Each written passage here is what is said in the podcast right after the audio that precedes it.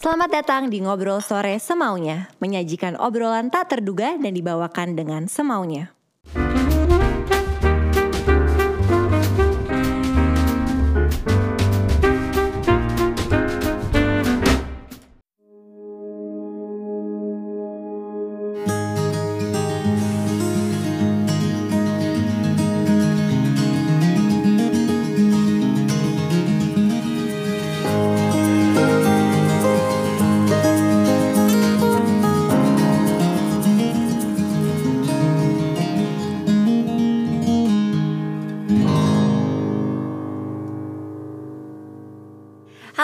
Datang di Ngobrol Sore Semaunya bersama gue Putri Tanjung. Hari ini spesial banget, bukan karena bintang tamunya aja spesial, karena kali ini Ngobrol Sore Semaunya hadir dengan suasana yang berbeda. Kali ini kita hadir dengan special edition Kota Bandung. Dan kita sekarang um, lagi ada di New Art Sculpture Park, salah satu destinasi seni Indonesia yang luar biasa banget, di mana dari koleksi ini banyak karya lahir seperti patung Garuda Wisnu Kencana di Bali, hingga monumen proklamasi Indonesia di Jakarta. Jadi di tempat luar biasa ini, gue juga kedatangan temen gue, eh, tamu yang super spesial. Udah lama banget nggak ngobrol. Eh, gue tahu dia dari 2014. eh, through all the journey, The the, journey. ups and down, Eh, salah satu anak muda kebanggaan Bandung dengan bisnis yang lagi rame banget. I proud eh, to call him my friend. Langsung aja kita sambut Hedi Rustian. Hai. Halo. Apa kabar? Kita udah lama banget Lama Nggak udah ngobrol. dua tahun lebih nggak ketemu dua juga. tahun lagi, ya dua tahun lebih. Iya. Kita udah dari 2014 kerja bareng. Ya bareng. Waktu itu Sebelumnya 2013 lah. Ah 2013, oh iya ya 2014 prepare prepare lah ya acaranya. 2013, 2014. Iya. Jadi 2014 itu adalah acara kreatif Penner Corner pertama. Pertama. Itu kayak sejarah. Sejarah. Karena itu pertama ya. Gini-gini juga bintang tamu pertama gua. Iya. Bintang tamunya lo, gue inget banget waktu lo lagi sama Four Speed. Iya. Dan waktu itu akhirnya di Senayan City kan waktu itu ya. Senayan City. Di gimana? 2021 lo apa kabar? Kabar baik, luar biasa. Gimana pandemi? Gimana lo menghadapi situasi sekarang ini? Menghadapi situasi saat ini, kalau misalnya implementasinya ke apa yang gua kerjain sih sangat menyenangkan ya. Ya. Karena hmm, kita dituntut untuk muter otak Betul. gimana caranya untuk bisa terus keep up dengan kondisi. Ya. Terus eh, terus gua sih yang bersyukurnya sekarang karena perpindahan gua pada saat itu ya lo tahu sendiri kan waktu gua dari Force Speed terus sekarang gua bikin Barbecue Mountain Boys dan karena gua lebih concernnya ke multimedia sekarang. Ya. Terus eh, gua ada media juga kan ada Ya. di YouTube juga segala macam. Jadi masih sedikitnya ada beberapa celah yang masih bisa gua isi gitu Ya. dan ya gue juga baru buka restoran juga kan. Iya. Eh congratulations ya, rame Terima banget. kasih. Iya, alhamdulillah. Gue nggak sabar nyobain. Iya. Siapa tahu kita bisa buka di Jakarta di. Kan itu ya, gua Iya. nungguin, nungguin ada yang WhatsApp. Ada tempat nih di Jakarta ya gitu. di tapi kan maksud gue gini let's talk about kan gue tahu kan barbecue mountain boys waktu itu gue inget banget tiga tahun lalu gak sih Tiga tahun tiga yang lalu. tahun lalu gue main ke tempat lo Ke rumah. Ke rumah. Bukan ke cabin. iya benar ke rumah Ke belum rumah. ada gak sih Ada, ada. Tapi Baru lu kan banget ya? Baru banget. Baru banget Lu ya? nggak sempet kan waktu itu Iya. kalau harus ke Lembang. terus lo masakin gue Masak. abis itu Gua ngeliatin intro yang belum gua publish. Ti, Iya. ini gua mau bikin barbecue mountain boys, ini intronya. Gila bangga banget sih sampai akhirnya kayak gini di tapi sebelum kita ngomongin barbecue mountain boys lebih Iya. lagi lo ceritain dong kayak journey lo dari awal karir yang banyak banget jatuh bangunnya itu ya Iya. sampai akhirnya lo menciptakan barbecue mountain boys dari jadi ya yang lu tahu kan gua memulai karir gua kan as a jewelry artist ya. Ya. Terus eh, dari kurang lebih 2009-2010 lulus SMA gua udah mulai nge-explore diri gua di dunia jewelry terus eh, dan memang cita-cita gua kan dulu gimana caranya gue bisa kerja bareng sama musisi-musisi yang gue idolakan Ya. karena kan kalau gue pribadi selalu eh, gimana caranya harus ngeset diri gue untuk harus punya mimpi gitu. Betul. jadi gue tuh tahu gitu apa yang harus gue kerjain apa yang harus gue kejar gitu. Dan sebenarnya bebas gitu kayak mau ngeset up mimpi mau sejauh apa pun toh ternyata kalau kitanya konsisten selalu ada jalan kan. Terus gue sampai ya berjalan jatuh bangun akhirnya gue 2012 2013 karya gue udah mulai dilirik sama banyak musisi internasional gitu terus uh, dari mulai band-band favorit gue level yang nggak terlalu favorit amat sampai cita favorit banget. ya sampai cita-cita gue kayak pokoknya cita-cita gue gue pengen kerja buat Sepultura gue pengen kerja buat Metallica gue pengen kerja buat Ozzy Osbourne gitu Yeah.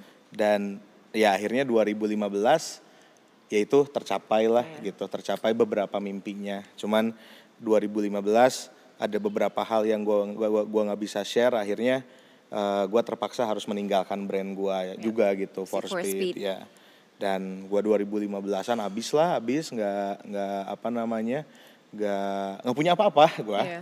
terus gue sempet dagang mie ayam Iya. pakai gerobak biru gitu bikin terus sisa duit segini nih dagang apa ya gitu balik ke rumah ke nyokap balik ke rumah ke nyokap malah dimarahin gitu Iya. ya lu pulang ya bukan malah jadi ngeluh gitu. Dan karena lu cowok lu harus terus gerak Iya, lu harus apa pun berusaha lagi. berusaha gitu. Dan gua kan di situ posisinya ya gua juga pernah merasakan di saat gua punya gengsi yang sangat besar Iya. ya ketika ini nih beberapa bulan kemarin gua baru meeting sama Metallica. Betul. beberapa bulan ke depan setelahnya gua nggak punya duit gua. Gitu. Cepet banget ya itu kejadiannya. cepet banget. Tapi di lo apa sih yang lo paling am- ambil pelajaran dari journey lo di 2015 itu? Kalau gua sih ambil pelajarannya lebih ke karena kan kalau gua berbisnis tuh gua nggak pernah mikirin hal jelek ya. Ya. Maksudnya kalau gua bekerja berbisnis gua selalu yang penting guanya aja yang terus selalu positif gitu. Gua nggak pernah kayak wah kira-kira partner gua kayak gini enggak ya? Kira-kira partner gua gini enggak ya? Gitu. Gua bener-bener kalau dari pelajaran yang kemarin justru gua malah banyak belajar Ya. kayak banyak belajar dan eh, apa namanya kalau pelajaran dari jatuhnya gua kemarin eh, gua ngerasa ya gua masih muda juga Ya. dan kayaknya itu umur masih berapa ya 23 gitu Ya. 23 24 Segue lah ya. sekarang lah. dua tiga dua empat gitu terus ya frustasi ya sempat frustasi Pastilah. gitu cuman ternyata eh, yang gua rasain eh, kita tuh sebagai seniman atau pengusaha eh, apalagi di masa di masa sekarang gitu harus selalu bisa bertransformasi Betul, dan setuju. beradaptasi gitu Ya. dengan kondisi yang ada gitu.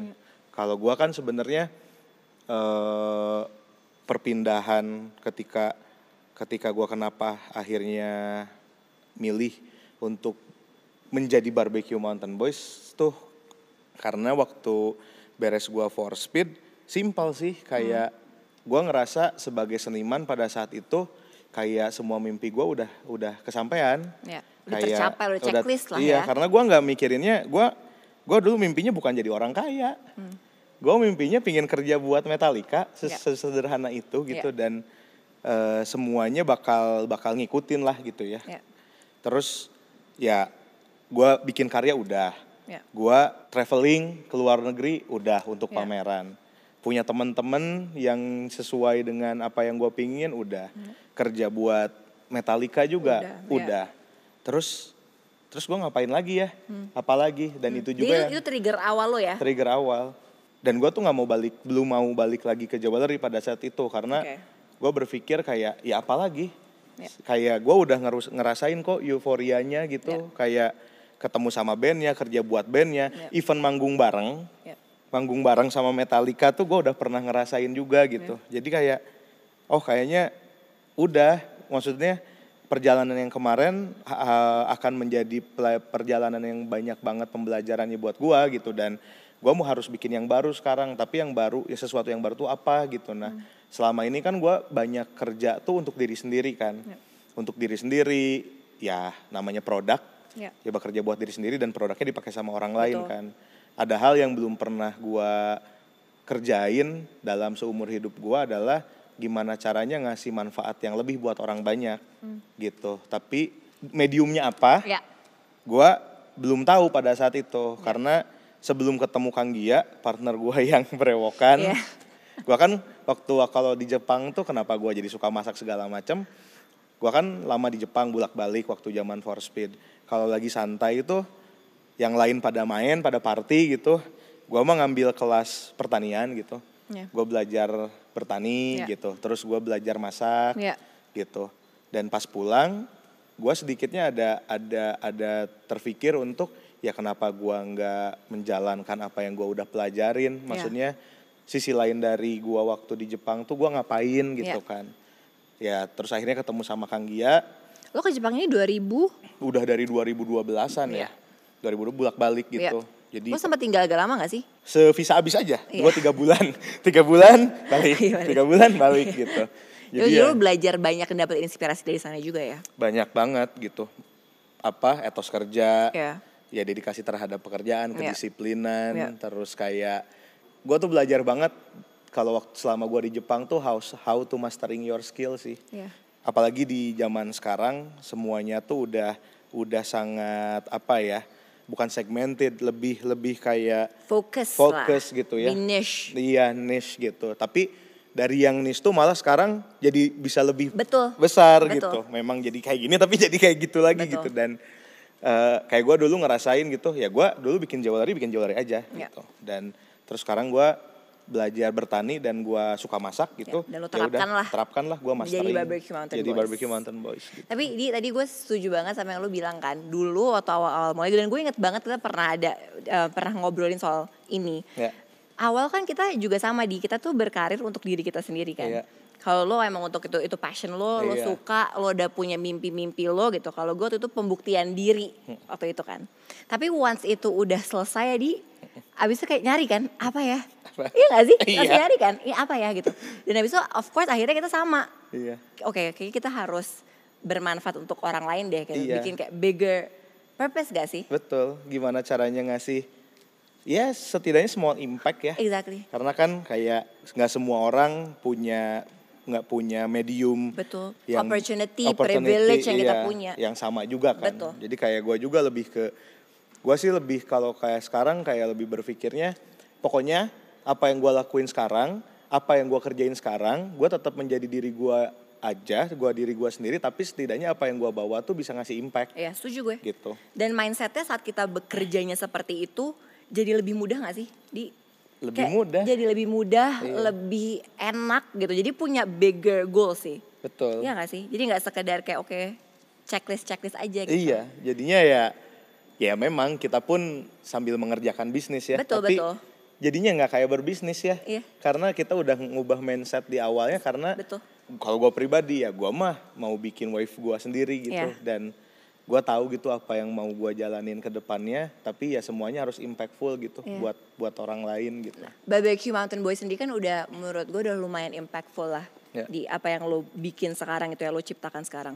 Tapi waktu awal lo menciptakan si Barbecue Mountain Boys, lo pernah gak sih kepikiran bahwa yang lo ciptakan ini adalah sebuah IP? Adalah intellectual property gitu, iya kan? Iya. Karena awalnya lo mulai dari konten, abis itu ada service-nya gitu Iya. kan, abis itu akhirnya ke mana-mana nih ada merchandising-nya, Iya. abis itu ada eh, apa namanya si restoran lo yang sekarang gitu, Iya. itu bisa di-expand terus kan? Iya. That's how powerful brand is kan? Iya. Iya gak sih? Jadi eh, jadi IP yang bisa akhirnya revenue streamnya uh ke mana-mana. Bisa diciptain gitu. Exactly. Waktu awal kepikiran gak sih bahwa oke Barbecue Mountain Boys ini adalah IP. Aduh, enggak sih. Maksudnya kalau gue lebih ke sesimpel waktu bareng sama Kang Gia, Kang, let's make something new. Ya. Karena Kang Gia juga backgroundnya seniman juga ya sama kalau Kang Gia dari Brojol udah anak petani. Ya. Dan gue banyak dapat banget insight dari Kang Gia gitu sebagai sebagai seorang petani gitu dan bener-bener gak kepikiran karena gue lebih ke kayak sama Kang Gia tuh Kang karena pas gue pulang apa namanya ya pulang dari Jepang terus kejadian itu gue harus ninggalin brand gue segala Iya. macam gue lagi berusaha kayak nyari kedamaian dulu kan Iya. terus si Kang Gia malah ngajaknya malah ngerjain gue gitu nyari kedamaian mah di sini di kebon gitu kita nyangkul nanem-nanem Iya, segala iya, macem iya. terus kayak kok gue nyaman gitu kok gue Iya. ngerasa kayak apa ya eh, oh ini nih kayaknya gitu dunia gue yang Iya. baru gitu gue belajar bertani segala macem cuman along the way kan ya gue punya pembelajaran dari dari bisnis gue yang sebelumnya Iya, ya for speed ya. Iya dari for speed terus mang gimana caranya supaya apa yang kita lakukan sekarang tuh bisa disampaikan ke orang-orang along the way juga kan dan kita harus bikin brand Ya. gitu karena ya kalau kita nggak bikin brand mah ya ngapain juga gitu kita bikin apa namanya bikin tayangan atau Iya, iya, bikin iya. media gitu Iya, kan betul. dan sama sekali nggak kebayang sih kalau misalnya sekarang outputnya bisa jadi intellectual pro- property itu Kapan lo sadar bahwa oh ya kayaknya ini tuh bisa menghasilkan banyak cuan nih? di titik ketika eh YouTube gua berjalan sih. Iya sih. Maksudnya YouTube gua berjalan, orang mulai pada ngerti karena kan gua banyak melakukan ini ya, nge-tweak semua semua materi. Ya. Karena waktu gua awalnya sama Kang Gia bikin barbecue Mountain Boys itu kan kita sebenarnya yang duluan berdiri itu kan Saux Farm kan, Ya. kebun kopi Ya, gua betul. kan. Dan gua tuh sama Kang Gia sering bikin postingan, sering bikin video segala macem yang di mana kita obrolannya udah langsung ngobrolin pertanian, Ya. isu-isu kesejahteraan yang di mana nggak nyampe gitu Iya, iya. orang-orang tuh gitu dan akhirnya Caranya harus caranya harus beda. harus beda Iya. karena akhirnya gue berpikir kayak ya udah maksudnya karena memang kita pun sadar bahwa kita pun tidak tidak mau jadi apa ya kita nggak ada kepikiran untuk jadi aktivis gitu Ya. nah akhirnya kalau kita lebih berpikirnya ya udah kita jadi diri kita sendiri aja kita kita melakukan kegiatan bertani sesuai caranya kita karena pada dasarnya kalau kita lebih lebih lebih menitik beratkan tuh gimana caranya kita ngebantuin nih generasi muda Ya. ngebantuin apa ya eh, referensi ngasih referensi buat anak muda bahwa new generation of farmer tuh bisa kayak gini Ya. jadi ya memang ada New perspektif ya. Iya, ada beberapa orang yang bilang gua wah lu terlalu harsh gitu karena Ya. gua cutting edge gitu. Ya. Ibaratnya kayak dengan problematika yang ada sekarang, Ya. gua tiba-tiba bikin barbecue mountain boys yang di mana cutting edge alien sendiri gitu. kayak gua farming ya ini setelan ngebon gua Iya, gitu. iya, gua di iya, kebon iya. juga kayak Iya, gini iya. gitu dan terus kayak ngedalemin semua edukasinya dari mulai eh, cara nanemnya, ngurusnya sampai panen, sampai kita nge-preserve makanannya Iya. gitu kan, sampai outputnya bisa jadi restoran segala macam. Karena gue pengen ngasih perspektif baru, Baru, gitu. iya. Karena kalau orang yang suka masak atau, atau kalau buat gue chef yang jago tuh chef yang vocab vocab ingredientsnya tuh luas dan dia ber- bertani juga Iya. dan gak mesti jadi chef karena gue juga bukan chef ya gue mah hobi masak gitu Iya, iya. dan eh, cuman buat gue ya pada akhirnya itu sih yang Iya. pingin gue coba apa ya coba pingin persembahkan nih Iya. karya gue yang baru tuh gue pingin kayak bisa ngasih Iya. impact setidaknya anak muda kalau kalau kita tuh selalu bikin bikin contoh kayak gue sering selalu diskusi sama Kang Gia Kang udah sekarang anak muda mah butuh sosok Ya, anak muda mah butuh referensi, Setuju. butuh butuh ada yang apa ya bikin mereka semangat Ya. gitu. Sedangkan kalau sekarang kalau kita tanya, kalau gue pingin jadi penyanyi, gue udah tahu pingin kayak siapa. Hmm. Misalnya gue pingin jadi penyanyi, gue pingin kayak Kurt Cobain gitu. Ya. Karena udah ada sosok-sosoknya gitu. Gue anak kecil pingin apa? Pingin jadi polisi gitu, pingin jadi tentara Ya. gitu. Kayaknya jarang deh. Saya fi- udah udah gede pingin jadi petani Petani, itu nggak iya. ada gitu. Dan Ya. gue nge-tweak semua konsepnya pada akhirnya eh, barbecue mountain boys yang sekarang tuh kita lebih fokusnya ngasih lihat tentang modern outdoor ala kita gitu Iya. karena modern outdoor kan luas banget Iya. dari agriculture sampai dari hulu ke hilir gitu agriculture sampai food culture Dan itu gak sih di karena new perspektif itu itu jadi salah satu kunci kenapa brand lo resonates dengan banyak orang gak sih? iya sih Ya gak sih? Iya. Karena itu kan something yang unik kan. Jadi lo Iya. punya unique proposition lah gitu di bisnis lo kan. Jadi orang akhirnya ngeliatnya as something yang new gitu. something new Tapi di apa sih yang paling tantangan terbesar building this brand?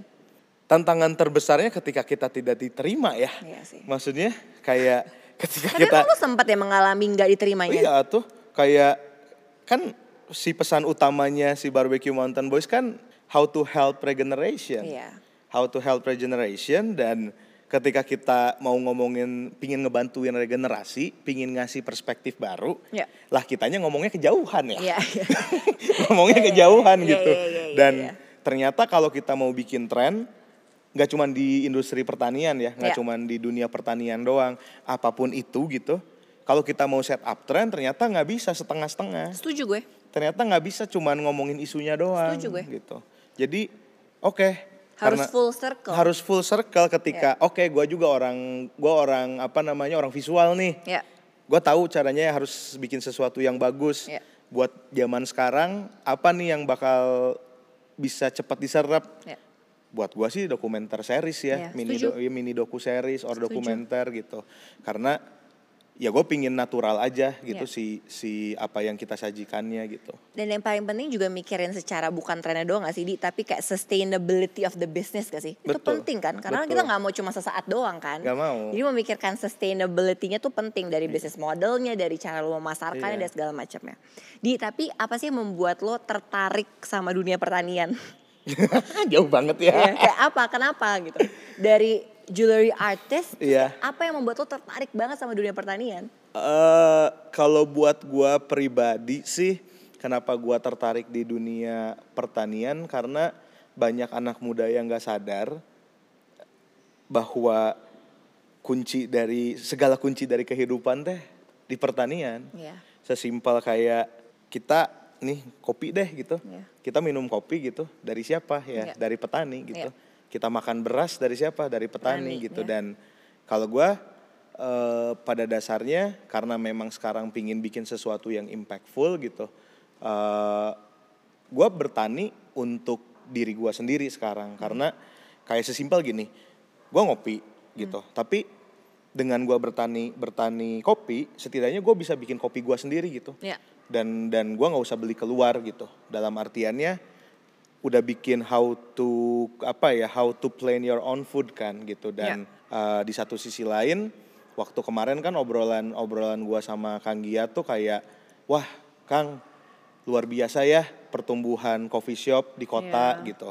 Hampir setiap kilometer ada. Betul. Tapi yang dikhawatirkan dari kita teh, Kang khawatir nggak sih kalau misalnya anak muda nggak ditambahin nih perspektif baru bahwa jangan ngomongin doang hulunya, Iya. keren kok hulunya, udah Iya. nggak usah ada yang ngomongin barista and coffee shop Iya. owner tuh keren, Iya. tapi once kita ngomongin farmer Iya dan who who's the person yang supply coffee shop lo tuh Iya. ya farmer. Iya betul Nah, ini gimana caranya bisa bikin gerakan yang komunal supaya setidaknya coffee shop owner ataupun penikmat kopi bisa sadar Ya gitu. Setidaknya kepikiran juga, oh iya ya, gimana ya caranya gua ngebantuin regenerasi atau Iya, enggak? betul. Ternyata seru juga ya gue pingin jadi hobi lah nanam-nanam apa dulu The gitu. story behind the cup of coffee kan sebenarnya Betul gitu. Tapi sekarang anak-anak muda juga lebih aware gak sih di Alhamdulillahnya iya nggak ya, sih? akhirnya sedikit demi sedikit jadi lebih aware gitu Betul. kan dan eh, ya kalau besar harapan gua sih sebenarnya gerakannya komunal dan Iya. Kalau barbecue mountain boys sekarang gua lebih kayak ngeliat apa ya lebih memposisikan dirinya sebagai media kan Iya. karena memang gua foundernya tapi mungkin tahun depan barbecue mountain boys yang lebih sering munculnya udah bukan gua Iya. karena gua pengen nge-create boys boys Iya, boys betul. itu kan dan Jadi lo nge-create platformnya ya di nge-create platform platformnya Iya. karena ya selama ini kan kayak anak muda merasa bahwa industri pertanian tuh bukan industri yang menarik. Iya. atau jangan ngomongin industrinya dulu lah. Jadi jadi petani itu nggak nggak menarik. Iya. sesimpel kayak ada yang nanya kerjaan lu apa? Petani. Oh serius loh petani kotor-kotoran segala macam bla bla bla gitu kan. Cuman kan balik lagi ya kayak mau mau mau apa namanya profesinya apa kalau kita bisa nge-tweak atau kita bisa naikin ngasih added value kan jadi. Jadi sesuatu yang luar jadi biasa. sesuatu yang luar biasa juga Betul, sebenarnya. setuju banget.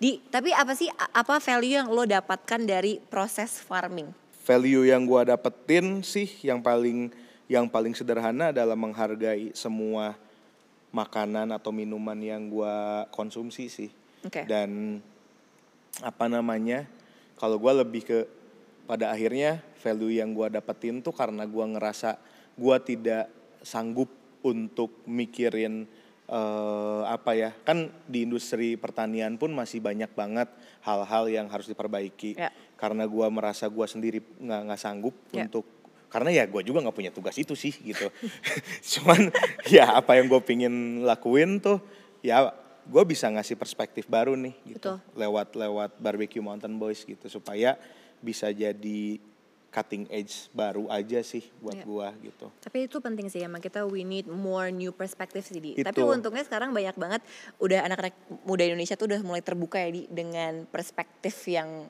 macem-macem lah. Iya. Di tapi oke tadi kita udah ngobrolin soal barbecue mountain boy, soal perjalanan karir lo. Sekarang kita agak personal ya. Ya. Siapa sih dalam hidup lo yang paling berpengaruh dalam semua journey karir lo? Ya udah pasti sih orang tua gua ya. Iya. Kayak nyokap gua tuh eh, disiplin banget. Hmm. Di saat gua jatuh bukannya disemangatin. Tapi ditendangin terus keluar rumah lu keluar rumah kerja gitu. Iya. Karena lu cowok gitu. Kalau bokap lebih orangnya kayak dia dia apa ya? Lebih banyak ngajarin gua kejujuran sih, kayak Iya. lu nggak mesti ngepush diri lu segimana atau lu nggak nggak mesti nge- ngehalalin segala cara buat lu jadi maju karena Iya kalau lu maju dan kalau lu mau maju kalau lu udah ngeset standar diri lu atau kualitas diri lu menjadi pribadi yang baik let the journey Ya. brings you wherever Iya. you are gitu Iya, iya. karena jangan dibuat-buat lah gitu jadi orang mah Iya, gitu setuju. dan udah jadi ke diri kamu aja dan jangan kayak gila akan apa sosial gila akan gimana caranya supaya naikin eh, apa namanya karir lu dengan instan gitu kan. Gue Oke. banyak belajar itu sih. Sama orang-orang di sekitar gua ya gitu yang sangat berpengaruh gitu. Salah satunya Kang Gia juga sih. Oke. Kang Gia berpengaruh banget sih dari ngasih perspektif baru ke gua. Karena Kang Gia kan eh, salah satu orang yang menjadi perwakilan dari suara dari beribu-ribu atau beratus ribu petani gitu ya. Dan Kang Gia kan eh, dia tahu apa yang harus dia sampaikan tapi dia nggak punya med- medianya nggak Iya. punya mediumnya Iya. dan nggak punya partner untuk ngobrol Iya. gitu Dia bisa dapat banyak perspektif juga ya dari Iya. si Kang Gia. Dan force feed. Iya, dan For- force feed, iyalah. Terima kasih force feed. Iya itu lu belajar banyak loh dari dari banyak. force feed. Iya. Kalau nggak lu nggak akan jadi pedagang mie ayam kan? Kalau force. Kalau kalau harapan ke depannya buat barbecue mountain boy sendiri apa? Harapan ke depannya barbecue Mountain Boys bisa disupport sama Putri Tanjung. Waduh, itu mah gue selalu support lo ya. Lo tuh yang gak pernah follow up ke gue. Gue selalu mau support lo, lo gak pernah follow up. eh tapi bener dong, ayo let's do something together ya. Iya. Kita udah ngomong, udah kita announce ya. Jadi Iya. mau gak mau harus ngelakuin satu satu harus, bareng ya. Harus. Oh iya gitu. Bener ya? Iya. Oke. Harus. Ya gue sih harapan ke depannya si gue nggak tahu gimana caranya ke depan gitu. Cuman gue pingin gimana caranya barbecue Mountain Boys ini bisa ngasih impact yang lebih Ya, dan bisa ngasih impactnya tuh nggak cuman di online doang gitu loh ti Iya. karena gue selalu percaya bahwa dari online tuh harus ada offline-nya setuju. ya kan Dan vice versa sebenarnya iya kan. dan sekarang kan kendala di gua tuh secara secara media kita udah teruskan produksi konten Ya, untuk bisa ngasih impact untuk Iya. bisa kita bisa menyampaikan pesan ya. tapi ketika kita udah nge-create atau kita udah ada followers, orang-orang yang terinspirasi dari kita, ketika mereka bilang, Kang Hedi, kalau pengen ketemu Kang Hedi, kalau pengen belajar sama Kang Gia, di mana? Ya, Nah, kita sih lagi mikirin itu ya, Iya. karena gue pingin banget bikin EcoCamp, ya. Bigger impact ya jadinya. bigger impact gitu. Jadi dari online, ketika orang tertarik, ya kita udah punya EcoCampnya gitu, Oke. untuk untuk orang-orang bisa join gitu. Kita ngomongnya harus agak lebih keras ya. Hujan Karena ternyata. hujan ternyata ya. Oke, di sebelum kita akhiri Ya. dan sebelum ke pertanyaan terakhir, kita main games dulu. Karena di Boleh. ngobrol sore semuanya itu harus main games dulu. Games apa nih? Namanya adalah jawab semaunya. Oke. Jadi gue akan ngasih pertanyaan sangat cepat, gue akan ngasih statement, Oke. lo tinggal melanjutkan. Oke. Tapi lo jangan mikir ya, langsung. Oke. Oke. Contohnya dulu, kasih contoh dulu dong. lo bisa udah. Ketika bangun pagi, hal apa yang langsung gue pikirkan? Olahraga. Sumpah. iya. Ini bangga deh Tapi gue susah. Tapi susah. Sumpah. Iya. Oke. Waktu kecil hal yang paling memalukan atau unik yang pernah saya lakukan adalah eh ikutan festival, dress up, jadi apa ya? Gua lupa. Oh nari-nari, dress up pakai pakaian adat gitu. lucu banget. SD. SD. SD. SD. Oke. Orang nggak banyak yang tahu kalau gue itu orangnya sebenarnya eh apa sebutannya yang nggak bisa di banyak orang ketemu apa di introvert. introvert. Oh introvert. Introvert. Sumpah. Makin sini makin sini. Oh ya? Iya. Oke, mungkin karena pengalaman-pengalaman ya. Iya. Oke, saya paling bete kalau menghadapi situasi seperti Kekecewaan, Wow. dibohongin. Wow, dalam ya. Iya. Oke, teman-teman saya bilang kalau gue adalah orang yang Eh, konsisten.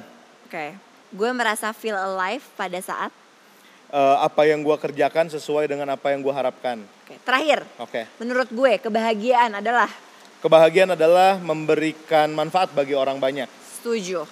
Oke, di pertanyaan terakhir di ngobrol sore semaunya, ini kan akan ada di YouTube ya di Ya.